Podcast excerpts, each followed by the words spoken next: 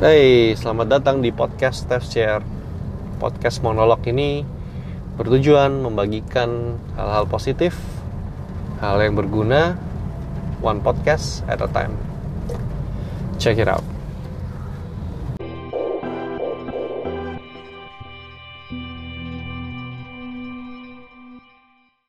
Hey, what's up, guys? Balik lagi Steph Shares. Nah, ini episode filler aja. Hmm, seperti biasanya ini. Episode ini dibuat coba-coba aja, mau coba membahas ya masalah-masalah yang lagi happening lah sekarang ya. Lagi juga lama-lama nggak nggak tahan juga mau komentar soal fenomena virus corona ini yang lagi heboh banget kayaknya. Aku sih sebenarnya termasuk yang biasa-biasa aja ya, nggak nggak terlalu nganggap uh, ini sesuatu yang sangat menakutkan atau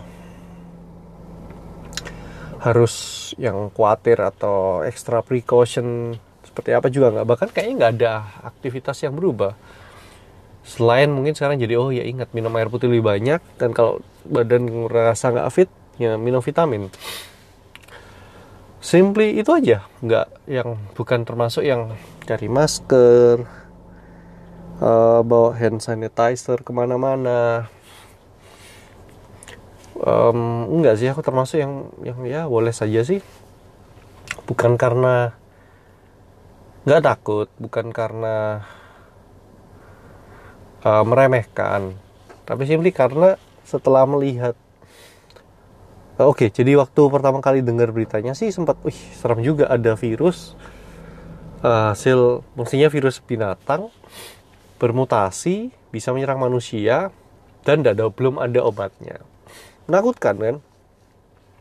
Apalagi virusnya bisa bisa bunuh orang, bisa menyebabkan kematian. Kalau nggak salah dia kan masih satu tipe sama pneumonia ya, yang menyerang ini apa paru-paru itu kan. Gejalanya kan kalau di Google ya dia panas, demam tinggi, lalu ini menyerang fungsi paru-paru bisa sesak, mati orangnya. Kalau nggak ditangani gitu. Seram ya, pikirku seram juga gitu. Apalagi uh, ya menular uh, dan angkanya kan awal-awal terekspos meningkat dengan cepat kasus-kasusnya gitu. Tapi waktu aku baca itu pertama ya takut setelah itu ya tunggu aja dulu. Ini kan waktu itu kejadiannya di Cina kan. Ground zero-nya kan di sana. Karena katanya ya di daerah itu banyak orang makan makan apa ya? Dari kelelawar kalau salah. Makan kelelawar hidup atau mentah ketularan lah penyakitnya. Padahal di Indonesia juga banyak kan. Kayaknya di daerah Manado situ orang makan binatang-binatang yang aneh-aneh kayak gitu juga biasa.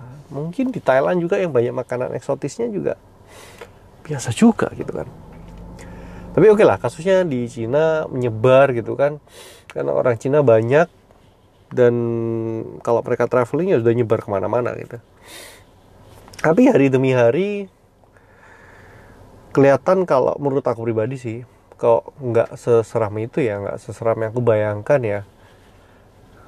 Apa karena ketahuannya cepet ya baru jumlah berapa awal-awal early stage lah itu sudah ketahuan ya jadi kasusnya kan kebagian besar yang jadi kan di Cina.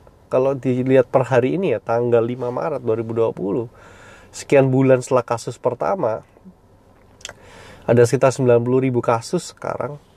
Sebagian besar itu di Cina. Mungkin cuma 10% up to 15% mungkin yang jadi di luar RRC gitu kan.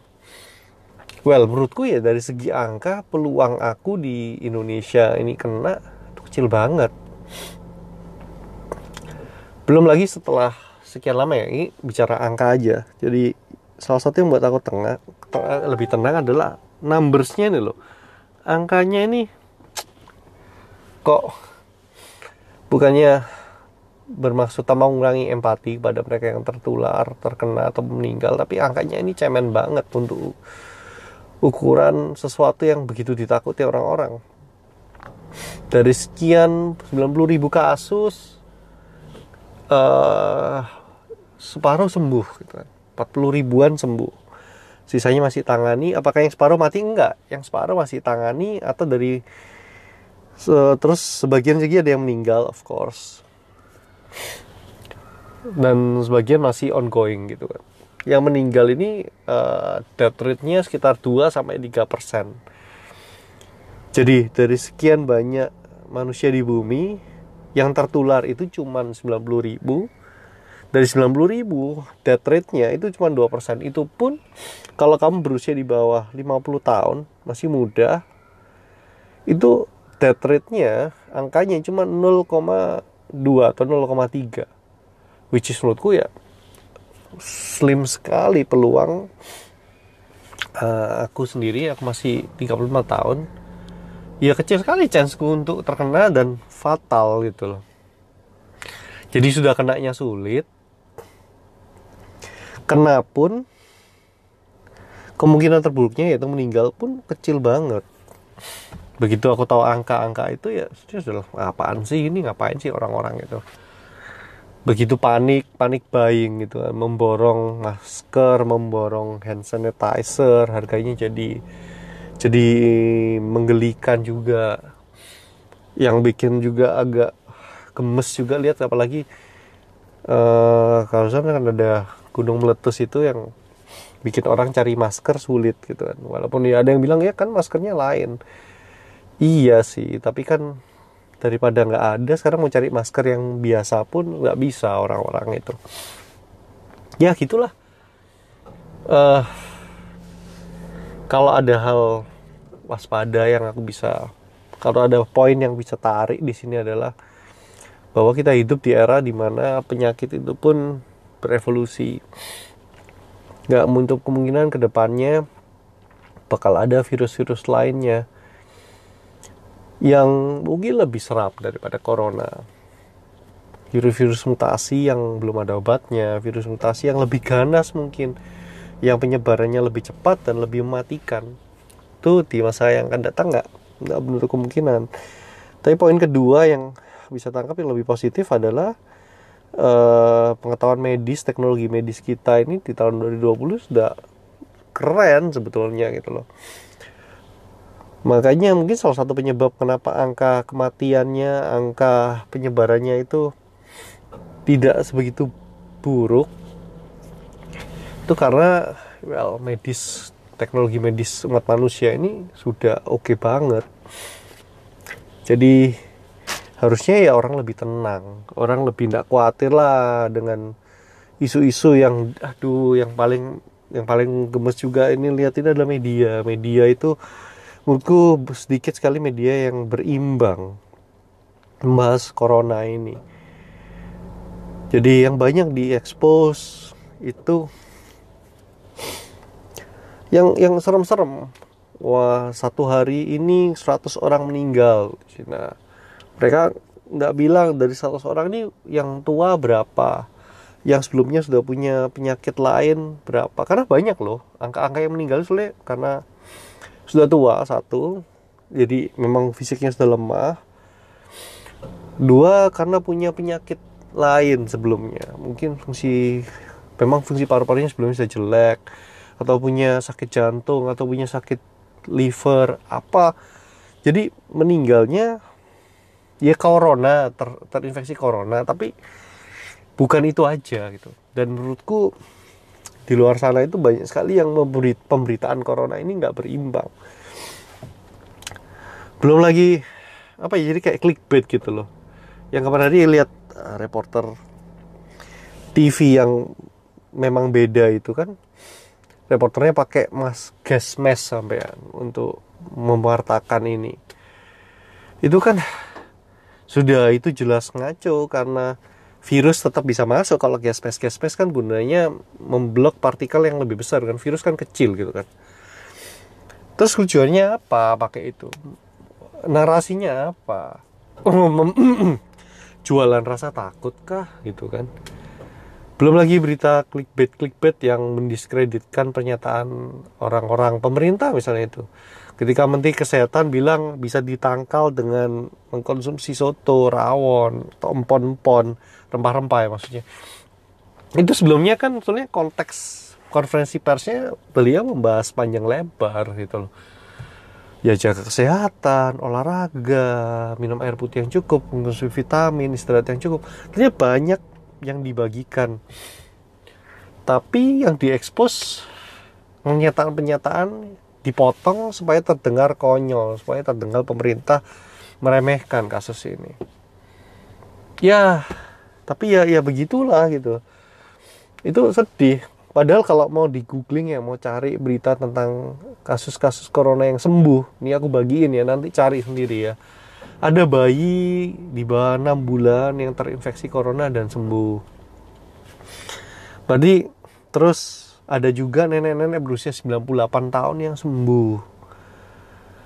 Membaca dua berita ini aja uh, sorry ya jadi agak meremehkan kemampuan virus ini untuk membunuh manusia bayi yang kecil itu kan imunitasnya lemah gitu kan. Secara fisik kan masih lemah. Nenek-nenek yang berusia 98 tahun itu pun ya ditulis di artikelnya itu bahkan dia sendiri waktu dia difonis kena corona dia sendiri dia berpikir mungkin dia nggak bisa lewati ini. Mungkin ini ajalnya. This is it mungkin ya. Eh dia sembuh loh aduh jadi ya tapi yang kayak gini jarang kan di share di grup ya. Yang kayak gini kan jarang di share di sosial media. Apalagi ya media mungkin juga males mengekspos hal-hal yang positif gini. I don't know why gitu. Padahal aku sih salah satu orang yang mungkin sekarang sudah jengah dengan berita media-media yang memberitakan uh, mengeksplor mengeksploitasi rasa takut ya ini ini keinginan pribadi sih. Mungkin suatu hari ada media yang lebih uh, condong memberitakan berita-berita yang positif yang memberi harapan bukannya menakut-nakuti tapi menenangkan orang menggunakan power yang mereka punya. Ya media kan power information. Information is power and ya with great power harusnya comes with great responsibilities kan memberitakan bagaimana orang-orang itu bekerja keras dokter-dokter mencari solusinya bahwa mungkin kalau ada berita tentang vaksinnya ditemukan atau bagaimana itu dong fokus di sana fokus wawancara ke orang-orang yang survive. Survivalnya kan banyak ada 40 ribu orang lebih itu dong diwawancara. Gimana apa yang bagaimana pendapat seorang corona survivor untuk orang lain. Siapa tahu pemberitaannya bisa tidak perlu khawatir. Wah, mungkin nenek-nenek itu yang 98 tahun diwawancara, iya ternyata tidak semenyeram menyeramkan itu penyakitnya. Ya, kayak gitulah. Coba deh di Google deh, carilah uh, survive corona survival, uh, successfully recover from corona. Banyak kok, banyak. Ah, uh, itu deh. Ya, um, itu sih nggak tahan aja sih pengen uh, ikut komentar.